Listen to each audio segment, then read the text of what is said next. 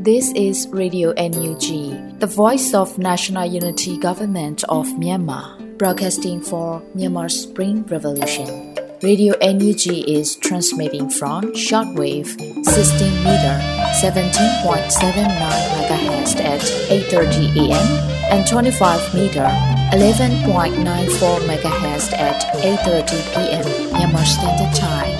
မင်္ဂလာပါရှင်။ မြို့သားညီညွတ်ရေးအစိုးရရဲ့အတန်းနှုန်းဌာန Radio NUG ကိုမနက်ပိုင်း၈နာရီခွဲမှာလိုင်းတူ16မီတာ19.89 MHz ၊ညပိုင်း၈နာရီခွဲမှာလိုင်းတူ25မီတာ17.6 MHz တို့မှာဓာတ်ရိုက်ဖမ်းယူနိုင်စေနိုင်ပါရှင်။မင်္ဂလာအပေါင်းနဲ့ပြည့်စုံကြပါစေ။အခုချိန်ကစပြီး Radio NUG အစီအစဉ်လေးကိုဓာတ်ရိုက်အတန်းလွှင့်ပေးနေပါပြီ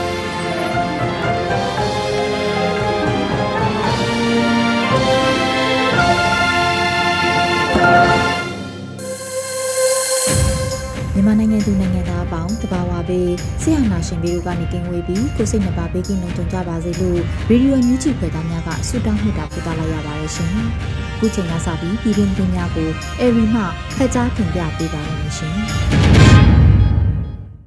မင်္ဂလာညချမ်းပါရှင်။အခုချိန်ကစပြီးရေဒီယိုအန်ယူဂျီညပိုင်းပြည်တွင်းသတင်းတွေကိုတင်ပြပေးတော့မှာဖြစ်ပါတယ်။ကျွန်မကတော့အေရီပါရှင်။ပထမဆုံးအနေနဲ့ နိုင်ငံတော်၏အတိုင်ပင်ခံပုဂ္ဂိုလ်ထောင်ဆန်းစုကြည်ပေါ်ချမှတ်လိုက်တဲ့ပြည်ထောင်အသစ်ကိုပြင်သစ်နိုင်ငံကအပြင်းထန်ဆုံးရှုံချလိုက်တဲ့တဲ့တင်ကိုတင်ပြပေးပါမယ်။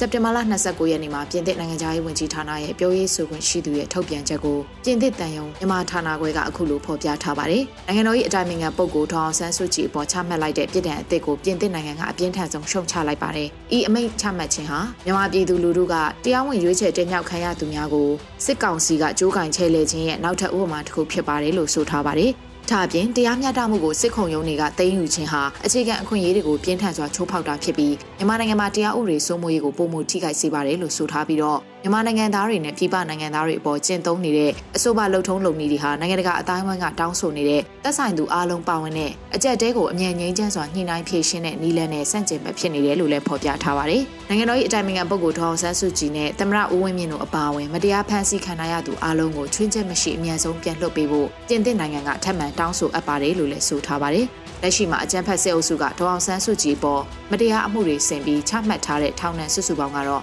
23နှစ်အထိရှိနေပြီဖြစ်ပါတယ်ရှင်။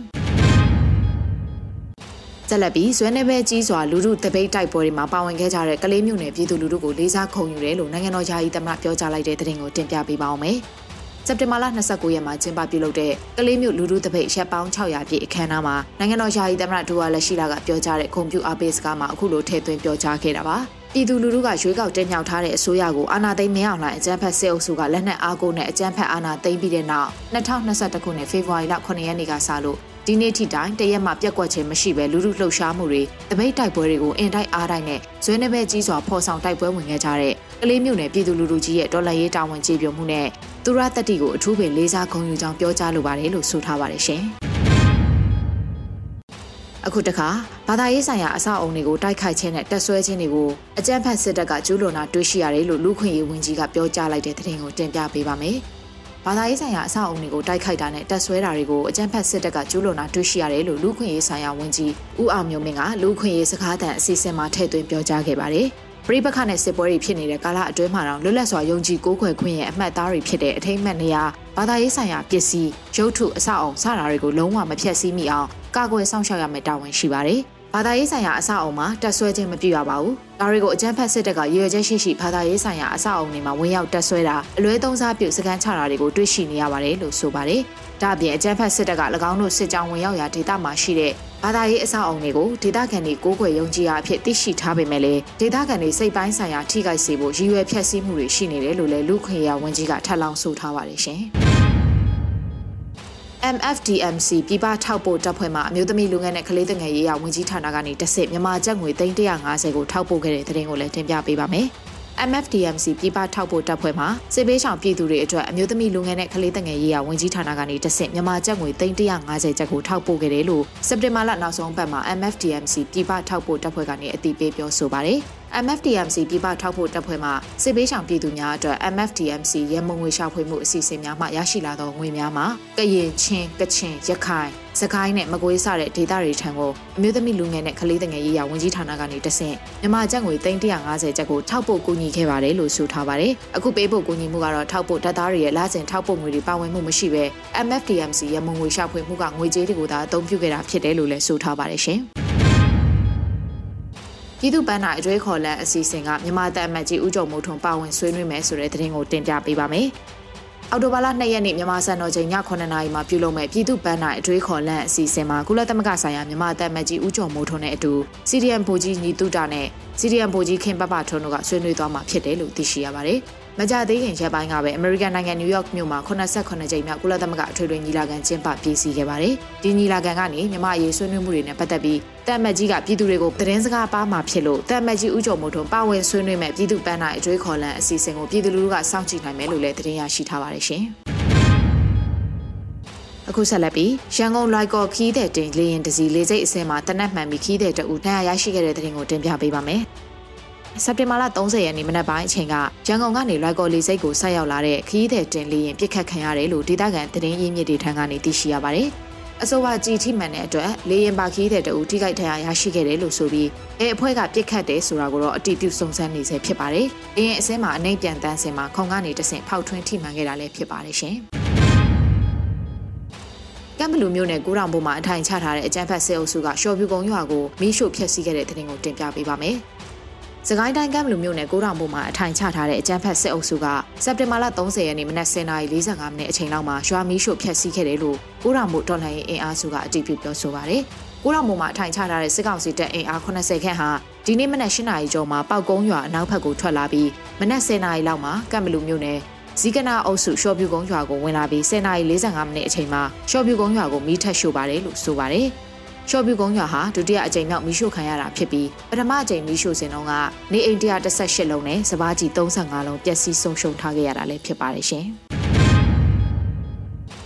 ဆက်လက်ပြီးပသိမ်မုံရွာလမ်းမကြီးတလျှောက်နဲ့ဝမ်ပေါင်ကုမ္ပဏီလမ်းမအထိဒီနေ့မနက်အကြမ်းဖက်စစ်တပ်ကလက်နက်ကြီးလက်နက်ငယ်တွေနဲ့ရန်တမ်းပစ်ခတ်နေတဲ့တဲ့တင်ကိုတင်ပြပေးပါမယ်။စက်တင်ဘာလ30ရက်နေ့မနက်4နာရီခွဲအချိန်ကစလို့အကြမ်းဖက်စစ်တပ်စစ်ကြောင်းဟာလမ်းကြောင်းရှင်းပစ်ခတ်မှုတွေလှုပ်ဆောင်နေတယ်လို့ချင်းတွင်းရုံမှမဟာမိတ်တပ်ပေါင်းစုကအတည်ပြုပါတယ်။ စက်တင်ဘာလ30ရက်နေ့မနက်4နာရီခွဲအချိန်လောက်ကစလို့နမခကစစ်ကောင်စီတပ်တွေအင်အားပြည့်ကားလေးစီထွက်လာပြီးပသိမ်မုံရွာလမ်းမကြီးတလျှောက်လက်ပတောင်းတောင်ဝမ်ပေါင်ကုမ္ပဏီအထိလမ်းတလျှောက်လက်နက်ကြီးလက်နက်ငယ်တွေနဲ့ပြစ်ခတ်ခါလုံခြုံရေးရယူနေပါတယ်။မနက်9နာရီအချိန်လောက်မှာတွဲက3စီဝမ်ပေါင်ကုမ္ပဏီထဲမှာမောင်းနှင်ဝင်ရောက်သွားပါတယ်။ကျင်းနီတွေခိုးထုတ်မယ်လို့ယူဆရပါတယ်လို့ဆိုထားပါတယ်။စက်တင်ဘာလ29ရက်နေ့နေ့လယ်ပိုင်းမှာဖလက်ဆက်3စီချင်းတွင်းမြစ်ကြောင်းတိုင်းဆန်တက်လာပြီးစလင်းကြီးမြို့နယ်ပေါင်းဝရွာစိတ်ကန်းကပ်ပြီး ကျွန်းကြီးရွာအနီးမှာပြစ်ခတ်မှုတွေဖြစ်ပွားခဲ့တယ်လို့လည်းသိရှိရပါတယ်ရှင်။ဆက်လက်ပြီး NUG Pay ရဲ့ commercial launch ကိုစတင်ကြေညာပေးသွားမှာဖြစ်ပြီးလက်ရှိအသုံးပြုနေတဲ့ activation code ရဲ့ service fees တွေကို3000ကနေ9000ကျပ်ကိုပြောင်းလဲကောက်ခံသွားမယ့်သတင်းကိုတင်ပြပေးပါမယ်။ NUG Pay ကနေလက်ရှိအသုံးပြုနေတဲ့ activation codes တွေရဲ့ service fees တွေကိုအော်တိုဘာလ၁ရက်နေ့ကစလို့ပြောင်းလဲကောက်ခံသွားမယ်လို့စက်တင်ဘာလနောက်ဆုံးပတ်မှာ NUG Pay ကအသိပေးပြောဆိုပါတယ်။မကြာခင်အချိန်မှာ NUG Pay ရဲ့ commercial launch ကိုစတင်ကြေညာပေးသွားတော့မှာဖြစ်ပြီးလက်ရှိအသုံးပြုနေတဲ့ activation code ရဲ့ service fees တွေကို3000ကျပ်ကနေ9000ကျပ်ကိုအော်တိုဘာလ၁ရက်နေ့ကနေစတင်လို့ ပြောင်းလဲကောက်ခံသွားမှာဖြစ်ပါတယ်လို့ဆိုထားပါတယ်။လက်ရှိလက်ဝယ်မှာကြန့်ရှိနေပြီးအသုံးပြုခြင်းမရှိသေးတဲ့ activation codes တွေဟာလည်းအလိုအလျောက်အားဖြင့်9000ကျပ်ကိုပြောင်းလဲသွားမှာဖြစ်တယ်လို့သိရှိရပါတယ်ရှင်။အခုတင်ပြပေးခဲ့တဲ့သတင်းတွေကိုတော့ Radio NUG သတင်းထောက်မင်းမင်းကပေးပို့ထားတာဖြစ်ပါတယ်ရှင်။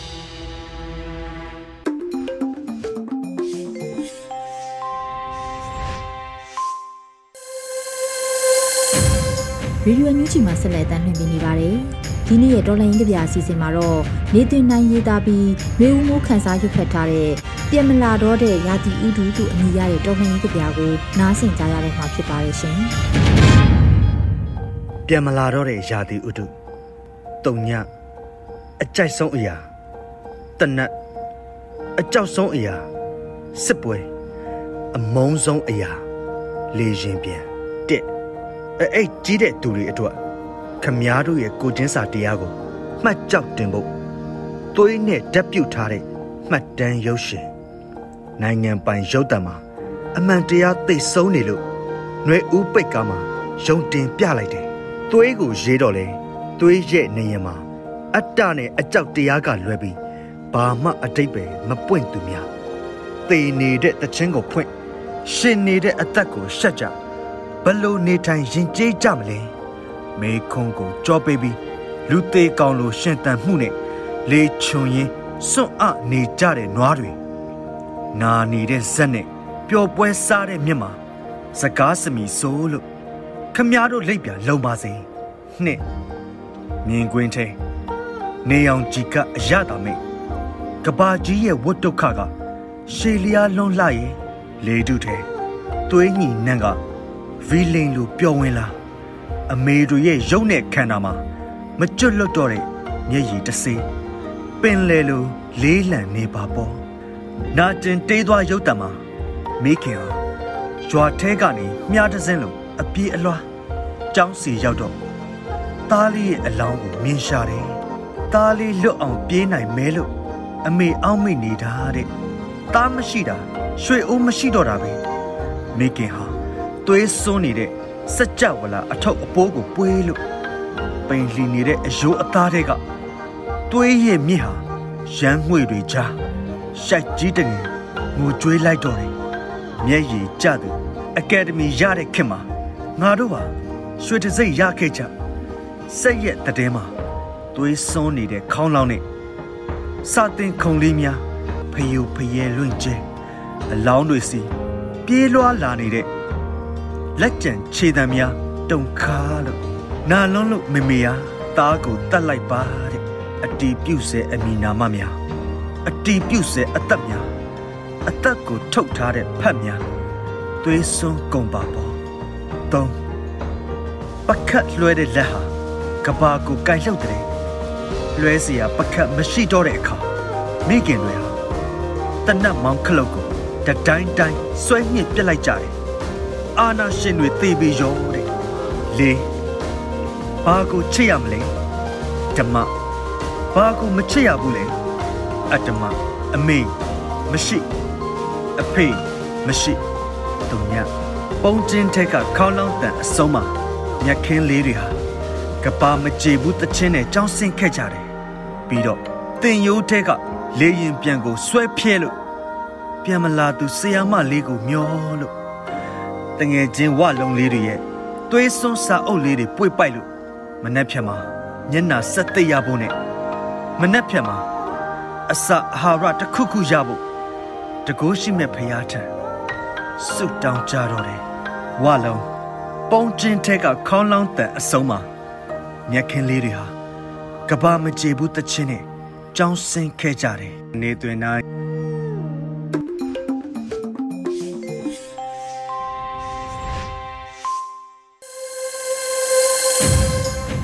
ချီကိုနာတော်တာဆင်နေတဲ့ပြည်သက်များရှင်လူသားချင်းစာနာထောက်ထားရေးနဲ့ဘေးအန္တရာယ်ဆိုင်ရာစီမံခန့်ခွဲရေးဝန်ကြီးဌာနပြည်ထောင်စုဝန်ကြီးဒေါက်တာဝင်းမြတ်အေးနဲ့ရေဒီယိုအန်ယူဂျီရဲ့အမေးဖြေကဏ္ဍကိုမေဦးလီကီမှမင်းမြန်းတင်ဆက်ထားတာကိုနားဆင်ကြရတော့မှာဖြစ်ပါရဲ့ရှင်မင်္ဂလာပါဝင်းကြီးရှင်အခုပထမအဆုံးအနေနဲ့ပြည်တွင်းစစ်ဘေးရှောင်တွေပေါ့ကုညီထောက်ပံ့ပေးနေမှုအခြေအနေတွေကဘယ်လိုရှိပါလဲရှင် အကျန်းဖက်စစ်ကောင်စီဟာပြည်သူတွေရဲ့ရက်ရွာအိုးအိမ်တွေကိုမိရှို့ဖျက်ဆီးတဲ့အပြင်ဖမ်းဆီးနှိပ်စက်တပ်ဖြတ်ချင်းစားတဲ့ရက်ဆက်မှုတွေကိုလည်းပြုလုပ်နေတာကြောင့်မလို့ပြည်သူတွေကနေရဆွန့်ခွာထွက်ပြေးရပြီးတော့တောတွေတောင်တွေထဲမှာနေရတာဖြစ်ပါတယ်ဒီစစ်ဆောင်တွေဟာစိတ်ရောကိုယ်ပါဒုက္ခခံစားနေကြရလို့ကုညီထောက်ပံ့မှုအလိုအဆုံးသူတွေဖြစ်ပါတယ်ကျွန်တော်တို့ပြည်သူအစိုးရ NUG ကလည်းဒုက္ခခံစားနေကြရတဲ့ပြည်သူတွေနဲ့ထပ်တူဖြစ်လို့လူသားချင်းစာနာစိတ်နဲ့ ပြည်ရင်းပြည်ပပြည်သူတွေရဲ့ထောက်ပံ့မှုတွေကိုပြည်သူတွေရှိရောက်အောင်ကျွန်တော်တို့အမှန်တကယ်ဒုက္ခရောက်တဲ့လူတွေရှိရောက်အောင်အလိုအဆုံးပြည်သူတွေရှိရောက်အောင်ထောက်ပံ့နေရတာဖြစ်ပါတယ်။ဒါကြောင့်ကျွန်တော်တို့အနေနဲ့ကျင့်တဲ့ကြည်နူးတဲ့နေ့တိုင်းကုသိုလ်ရနေတယ်။ဟုတ်ကဲ့ပါရှင်။လူသားချင်းစာနာမှုအကူအညီအထောက်ပံ့ပေးတဲ့နေရာမှာအခက်အခဲအကျက်တဲတွေရှိရင်လည်းပြောပြပေးပါရှင်။စစ်အာဏာရှင်တွေကဖြက်လီးပြက်လမ်းစဉ်ကိုကျင့်သုံးနေတဲ့အတွက်လူသားချင်းစာနာမှုအကူအညီပေးတဲ့နေရာမှာ အရေးပါတဲ့ငွေကြေးစီစဉ်မှုနဲ့ထောက်ပံ့မှုတွေကိုဒုက္ခခံစားနေရတဲ့ပြည်သူတွေရှိရောက်အောင်ထိထိရောက်ရောက်ကောင်းကောင်းမွန်မွန်ရောက်ရှိဖို့အဆင့်အတိုင်းမှာအခက်အခဲတွေရှိပါတယ်။မိရှုခံရသူတွေ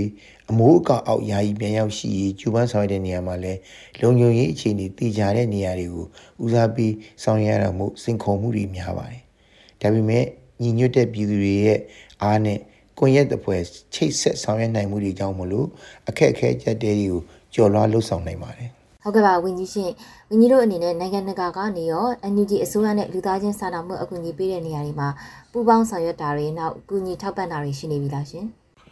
နိုင်ငံတကာကပူးပေါင်းဆောင်ရွက်တာကူညီတာထောက်ပံ့တာတွေကို NUG အစိုးရအနေနဲ့တရရရှိတာတော့မရှိသေးပေမဲ့ကျွန်တော်တို့နဲ့ညှိနှိုင်းပြီးပြည်သူတွေကြားမှာလှုပ်ရှားဆောင်ရွက်နေတဲ့လူမှုအဖွဲ့အစည်းတွေလူသားစာနာဆိုင်ရာ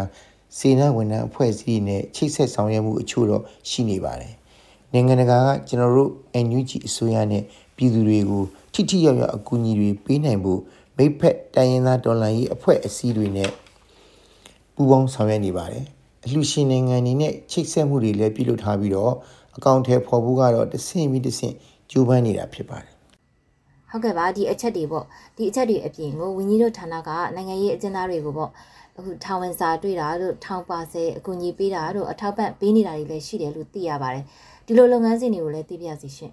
ကျွန်တော်တို့ဝန်ကြီးဌာနကနိုင်ငံရေးအကျဉ်းသားတွေနဲ့သူတို့ရဲ့မိသားစုတွေကိုတတ်နိုင်သမျှထောက်ပံ့မှုတွေပြုလုပ်နေပါတယ်အဲ့လိုပြုလုပ်တဲ့အခါမှာဒေသဆိုင်ရာလွှတ်တော်ကိုယ်စားလှယ်တွေနိုင်ငံရေးအကျဉ်းသားများကူညီထောက်ပံ့ရေးအသင်းနဲ့လူဒီကျွန်တော်တို့လိုအပ်ချက်စည်းရင်းစရာတွေရအောင်ကောက်ယူပြီးတော့လူသားချင်းစာနာသူတွေနဲ့ချိတ်ဆက်ပြီးတော့ကူညီထောက်ပံ့နေတာဖြစ်ပါတယ် ဟုတ်ကဲ့ပါရှင်အခုဆိုရင်နေရစွန့်ခွာပြီးတော့ထွက်ပြေးတင်းရှောင်နေရတဲ့နိုင်ငံသားတွေပေါ့နှစ်နိုင်ငံနယ်စပ်တွေမှာဆိုလို့ရှိရင်ခုံလုံနေရတာတွေရှိပါတယ်ဒီလိုခုံလုံနေရတဲ့ကိုယ်နိုင်ငံသားတွေကိုရောဝန်ကြီးတို့ဌာနအနေနဲ့အကူအညီပေးနေတာတွေရှိပါလားရှင်နှစ်နိုင်ငံနယ်စပ်မှာခုံလုံကြရတဲ့နေရစွန့်ခွာတင်းရှောင်ရတဲ့ပြည်သူတွေကိုအကူအညီတွေပေးနေပါတယ်အရေးပေါ်နဲ့လစဉ်စာနာရေးခါပံ့ပိုးတဲ့အစီအစဉ်တွေလည်းရှိပါတယ်သက်ဆိုင်ရာနိုင်ငံရဲ့ပြည်내အစိုးရနဲ့ ညှိနှိုင်းဆောင်ရွက်တာတွေလည်းလုပ်နေပါတယ်ပြည်ရင်းပြည်ပလူမှုအဖွဲ့အစည်းတွေနဲ့စနစ်တကျချိတ်ဆက်မှုတွေကိုလည်းကြိုးစားဆောင်ရွက်နေစေဖြစ်ပါတယ်ဟုတ်ကဲ့ပါရှင်ဝင်းကြီးတို့ဒီလူသားချင်းစာနာမှုအကူအညီတွေထဲမှာဆိုလို့ရှိရင်အခုအမေရက်တောင်ကမ်ပိန်းတွေပေါ့နော်ဒီလိုကမ်ပိန်းတွေကနေရရှိတဲ့ရန်ပုံငွေတွေကိုအဲမိဘေးသင့်ပြည်သူတွေကိုနေနေပေါ့ပြန်လဲတိဆောက်ပေးနေတယ်လို့လည်းသိရပါတယ်ဒါကရောအကောင့်ထဲပေါ်တည်ဆောက်မှုအခြေအနေကဘယ်အခြေအနေထိရောက်နေပါပြီလဲရှင် အိမ်နေမီရှုဖြစ်စည်းခံရသူတွေအတွက်ကိုအမေရတောင်အမေလက်ဆောင်အစီအစဉ်ကနေပြီးတော့ပြည်တွင်းပြည်ပပြည်သူတွေရဲ့ထောက်ပံ့မှုကြောင့်ရရှိတဲ့ရန်ပုံငွေနဲ့လုံခြုံမှုပေးနိုင်တဲ့နေရာတွေမှာတော့ယာယီခိုလွန်ရတဲအိမ်များကိုဆောက်လုပ်နေပြီဖြစ်ပါတယ်ပြည်သူဆန္ဒနဲ့အညီဆောင်ရွက်နေတာဖြစ်ပါတယ်ဟုတ်ကဲ့ပါရှင်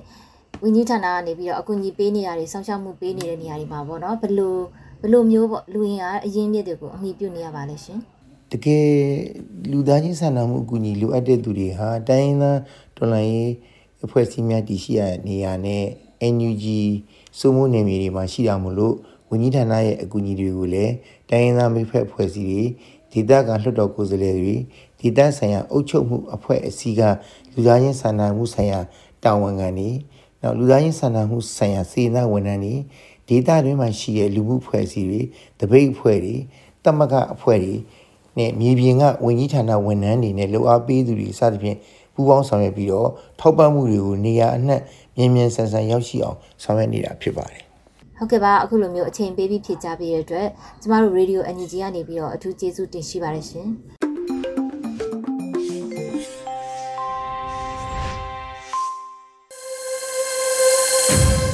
ဗီဒီယိုညူချီပရိသတ်တွေအတွက်ကူးဆက်လက်ပြီးထုတ်လွှင့်ပေးမယ့်အစီအစဉ်ကတော့တော်လန်ရေးဆောင်မအစီအစဉ်အနေနဲ့စီရီယန်တို့ရဲ့အတန်နဲ့အာမန်အပိုင်း22ကိုမိုးခရဲ့တင်ဆက်မှုနဲ့နားဆင်ကြရတော့မှာဖြစ်ပါတယ်ရှင်။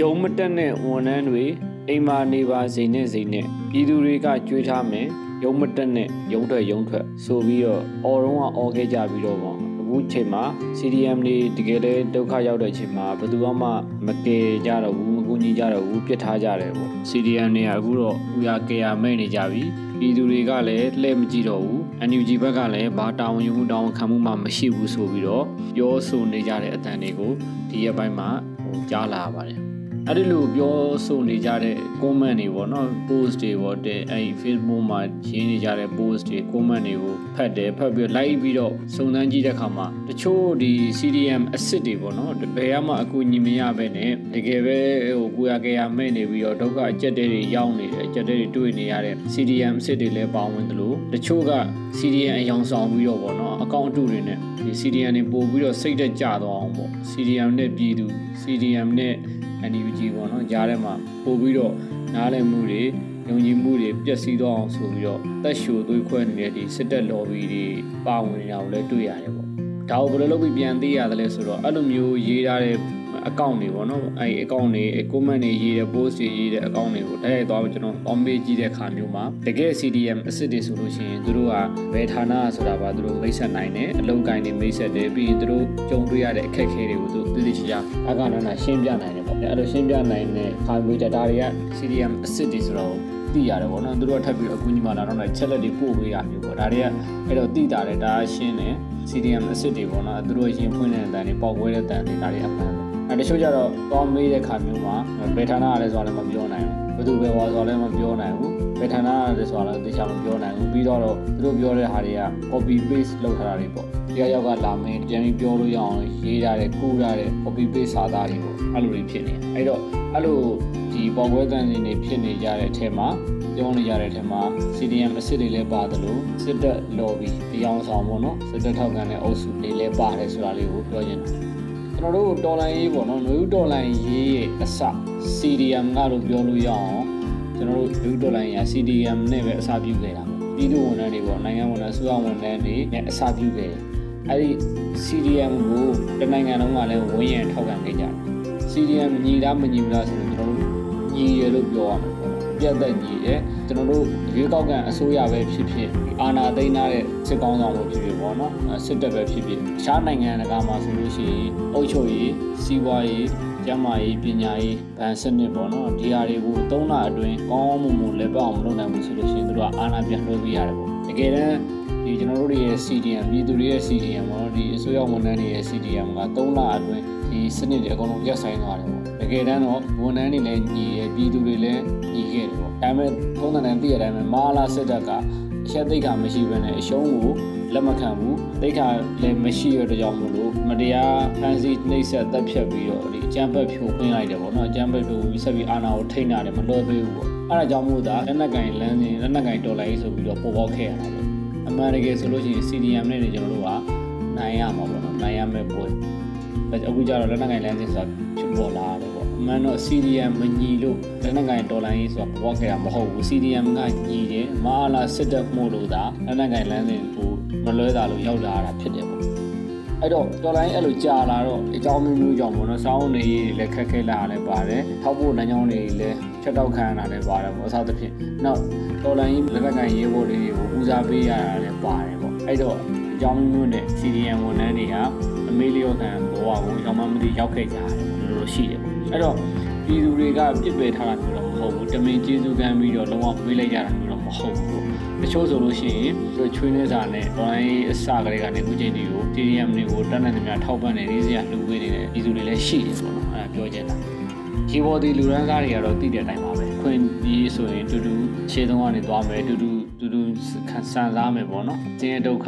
ဆိုတော့တူတူမခံကြဘူးပေါ့နော်။ရေဘော်ဒီလူရန်သားကတော့တတ်တတ်ပေါ့။ဒီကြားထဲမှာကျွန်တော်တို့ပြည်သူတွေကို တော်လန်ပြည်သူတွေကိုပြောချင်တာပါ။စီရီယံဝန်ထမ်းနဲ့တော်လန်ပြည်သူတွေကိုသူလည်းမကွဲသေးခြင်းဘူးအမြင်နဲ့မဆောင်သေးခြင်းဘူးပေါ့။သူတို့ကိုနားလည်မှုရှိစေခြင်းတယ်။ဒါကြောင့်မလို့ကျွန်တော်ရဲ့တော်လန်ရေးအဲမိတ်ဆွေတွေ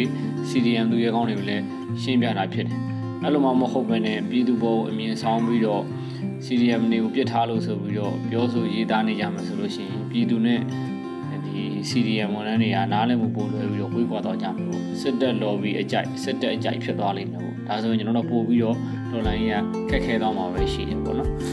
ပြည်သူကအတိကဖြစ်တာပေါ့ကျွန်တော်တို့အားကြောင့်မလို့ဒေါ်လာရင်းမိတ်ဆွေတွေဒီ CDM တွေကောင်းတွေကိုလည်းအားပေးရင်လည်းအဲကျွန်တော်တို့ဒီဒေါ်လာရင်းကအဲမတိုးတက်တာမဟုတ်ဘူးရက်နေတာမဟုတ်ဘူးညံစေခြင်းတဲ့အတွက်ကြောင့်မလို့နှေးနေတယ်လို့ထင်ရတာတကယ်တမ်းတော့သူကသွားနေတယ်အခုဆိုလို့ရှိရင်မြို့လေကောင်လိုနေရာမျိုးတွေရန်ကုန်မြို့လေကောင်လိုနေရာမျိုးတွေမှာပေါ့တခြားမြို့ကြီးပြကြီးတွေမှာလည်းထင်ကြရနေရာတွေမှာဇက်တိုက်မျိုး ပြည်သူအောင်ပွဲတွေပေါ့မရှင်တွေပေါ့နော်ဒေါ်လာရေးဘော်တွေရဲ့လောက်ွက်တွေကစိတ်လာတယ်ပေါ့ခက်စစ်စစ်ဖြစ်လာတယ်ပေါ့ဘက်ကရန်သူကဘလို့မှမလို့ညုံတော့ဘူးပေါ့ဒါတွေကဒလန်အကြီးစားတွေကိုလည်းရှင်းလာနေတယ်ဒေါ်လာရေးရဲ့တိတာထင်ရှားတဲ့တိုးတက်မှုတွေလို့ပြောနိုင်တယ်ပေါ့အဲ့တော့စိတ်တမကြဘဲနဲ့ဆက်လက်ပြီးတော့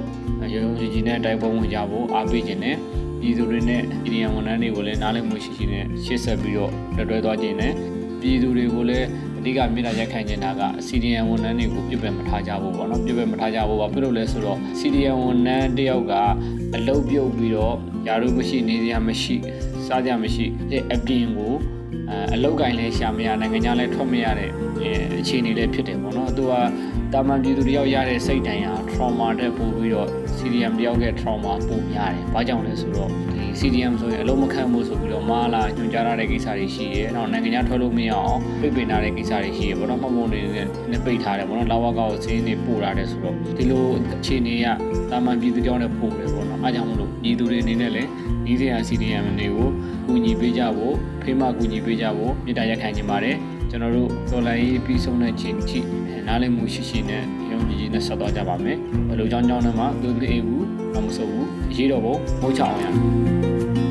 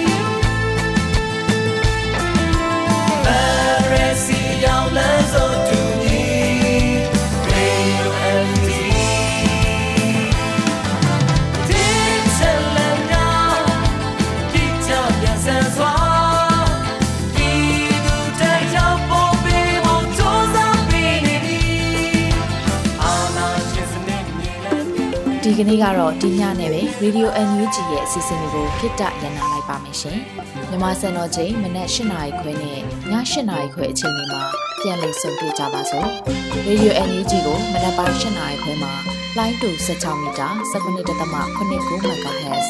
ညပိုင်း၈နာရီခွဲမှာလိုင်းတူ25မီတာ17.6 MHz တို့မှာဓာတ်ရိုက်ဖမ်းလို့နိုင်စေနိုင်ပါပြီ။ မြန်မာနိုင်ငံသူနိုင်ငံသားတွေကိုစိတ်နှပြကျမ်းမာချမ်းသာလို့ဘေးကင်းလုံခြုံကြပါစေလို့ Radio NUG အဖွဲ့သူဖေသားတွေကဆုတောင်းမြတ်တာပို့တာနေပါတယ်ရှင်။မြေသားညီမတွေအစိုးရရဲ့စက်တော်ရင်သတင်းအချက်အလက်တွေလုပ်ပြညာဝန်ကြီးဌာနကထုတ်လွှနေတဲ့ Radio NUG ဖြစ်ပါတယ်။ San Francisco Bay Area အခြေစိုက်မြန်မာမိသားစုတွေနဲ့နိုင်ငံတကာကစေတနာရှင်တို့အားပေးနေတဲ့ Radio NUG ဖြစ်ပါတယ်။အရေးတော်ပုံအောင်ရမည်